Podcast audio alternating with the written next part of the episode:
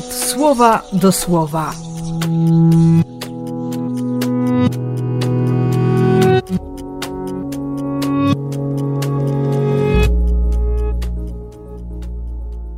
Piętnasty maja, poniedziałek.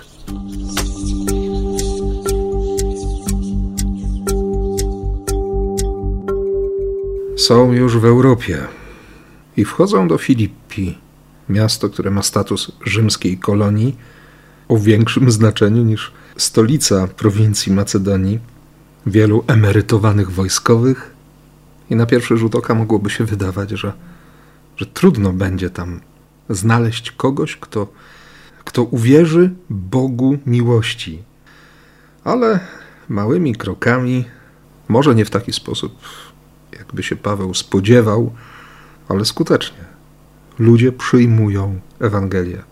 Wiele lat później Paweł będzie pisał list do, do chrześcijan w tamtym miejscu, i właśnie w tym liście znajdzie się ten niezwykły tekst, który, który nam towarzyszył tak mocno w Wielkim Poście, ale ciągle go sobie przypominamy, że Chrystus się uniżył, stał się jednym z nas i wszedł w śmierć, a Bóg go z tej śmierci wyrwał, bo na imię Jezusa Chrystusa ma się zgiąć każde kolano.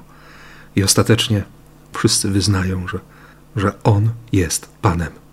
Bóg wie, co robi, nawet jeśli my nie wierzymy, że, że to, co On robi, może być skuteczne, może przynieść jakieś efekty, owoce.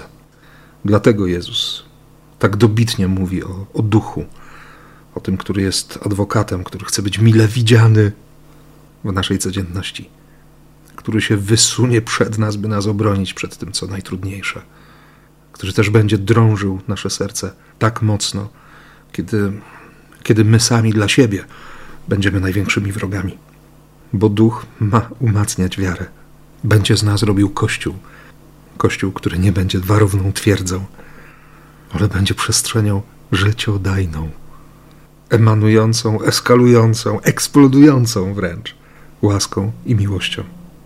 I dlatego ciągle dziękuję Bogu za Kościół, za życie, za autentyczne życie, za to Boże niepowstrzymywanie się w miłości do mnie, do, do Ciebie. I cieszę się, autentycznie się cieszę, że jesteśmy tymi, którzy uwierzyli Mu na słowo. I życzę Ci mocnej wiary i błogosławię w imię Ojca i Syna i Ducha Świętego. Amen.